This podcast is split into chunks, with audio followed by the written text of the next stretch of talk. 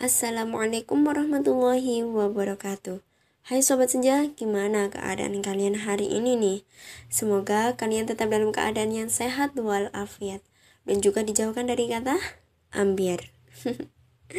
ya, di podcast kali ini aku mau sharing-sharing asik nih mengenai sejarah.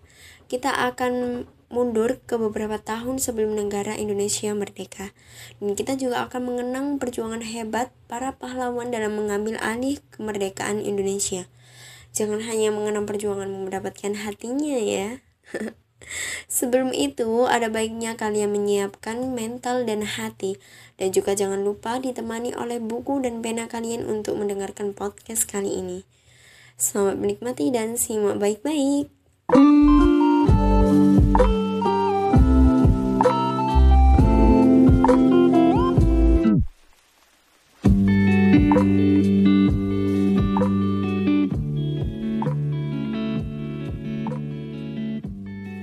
Sebelum kita lanjut nih ke pembahasannya, ada baiknya kita kenalan dulu biar lebih akrab. Karena tak kenal maka tak sayang, ya kan? Nama aku Ismail Adia Aziza. Aku di sini sama temen aku nih. Namanya Hai, kenalin. Nama aku Laili Masruro. Yap, kita ini satu sekolah dari Man Surabaya. Hai Laili, gimana keadaannya nih? Alhamdulillah baik. Kamu sendiri gimana? Alhamdulillah aku juga baik kok Walau penuh tekanan ya Bercanda doang itu mah Ya oke okay, kita langsung aja ke intinya ini ingat gak sih si proklamasi itu kayak gimana? Alhamdulillah masih ingat Nah coba bacain Kami bangsa Indonesia dengan ini menyatakan kemerdekaan Indonesia hal-hal yang mengenai pemindahan kekuasaan dan lain-lain diselenggarakan dengan cara seksama dan dalam tempo yang sesingkat-singkatnya. Alhamdulillah kalau masih ingat. Nah kan proklamasi itu dibacakan waktu kemerdekaan ya. Tanggal berapa coba kalau ingat? Tanggal 17 Agustus 1945. Bener tuh. Ingatan kamu kuat juga ya tentang sejarah. Alhamdulillah. Nah kan proklamasi itu udah disiapin sejak 5 bulan yang lalu. Tepatnya pada tanggal 1 Maret 1945 bertepatan dengan pembentukan apa coba? BPUPKI kan Badan Penyelidik Usaha-Usaha Persiapan Kemerdekaan Indonesia atau bahasa Jepangnya Dokritsu Junbi Chosakai Nah, benar banget BBUPKI. Coba kamu jelasin sedikit yang kamu ketahui tentang BBUPKI itu kayak gimana? Hmm, jadi itu BPUPKI dibentuk buat nyelidikin usaha buat kemerdekaan Indonesia. Kalau seingat aku, BPUPKI ini diresmikan pada tanggal 29 April 1945, diketuai sama Dr. Rajiman Widyodiningrat BPUPKI melakukan dua sidang. Kalau gak salah, sidang pertama tanggal 29 Mei sampai 1 Juni 1945. Kalau yang kedua dilakukan pada tanggal 10 sampai 14 Juli 1945. Bener nggak sih? Nah, itu. Kan ada dua sidang tuh. Sebutin sidang yang pertama menghasilkan apa dan yang kedua menghasilkan apa sidang pertama tuh menghasilkan rumusan dasar Indonesia Pancasila. Nah, maknanya setiap tanggal 1 Juni diperingati dengan Hari Kesaktian Pancasila. Sedangkan yang sidang kedua menghasilkan rumusan Undang-Undang Dasar lengkap dengan pembukaannya. Kan waktu itu juga lagi ada Perang Dunia Kedua. Itu membawa dampak buruk buat Jepang.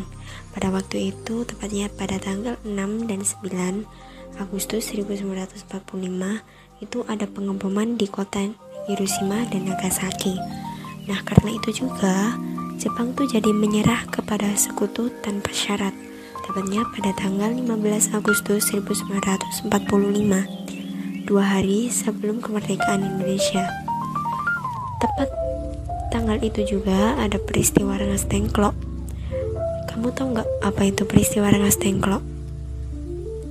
Jadi waktu itu Bung Karno dan Bung Hatta diungsikan ke Rengas Dengklok, Jawa Barat oleh para pemuda. Habis itu tanggal 16 Agustus 1945 mereka dijemput lagi. Karena diungsikan ke Rengas Dongklok, makanya dikenal dengan peristiwa Rengas Dongklok. Oh gitu. Terus alasan mereka diungsikan kenapa? Karena sama Bung Hatta minta para pemuda biar sabar dalam mengumumkan proklamasi. Habis itu para pemuda gak sabar. Jadi mereka mengungsikan Bung Karno dan Bung Hatta ke Rengas Dengklok biar bisa dibilang sebagai paksaan biar si Bung Karno dan Bung Hatta segera memproklamasikan kemerdekaan. Bagus nih penjelasannya. Nah kan dari Rengas Dengklok kembali ke Jakarta tuh sampainya jam setengah 12 malam pasti Bung sama Bung tuh capek banget kan?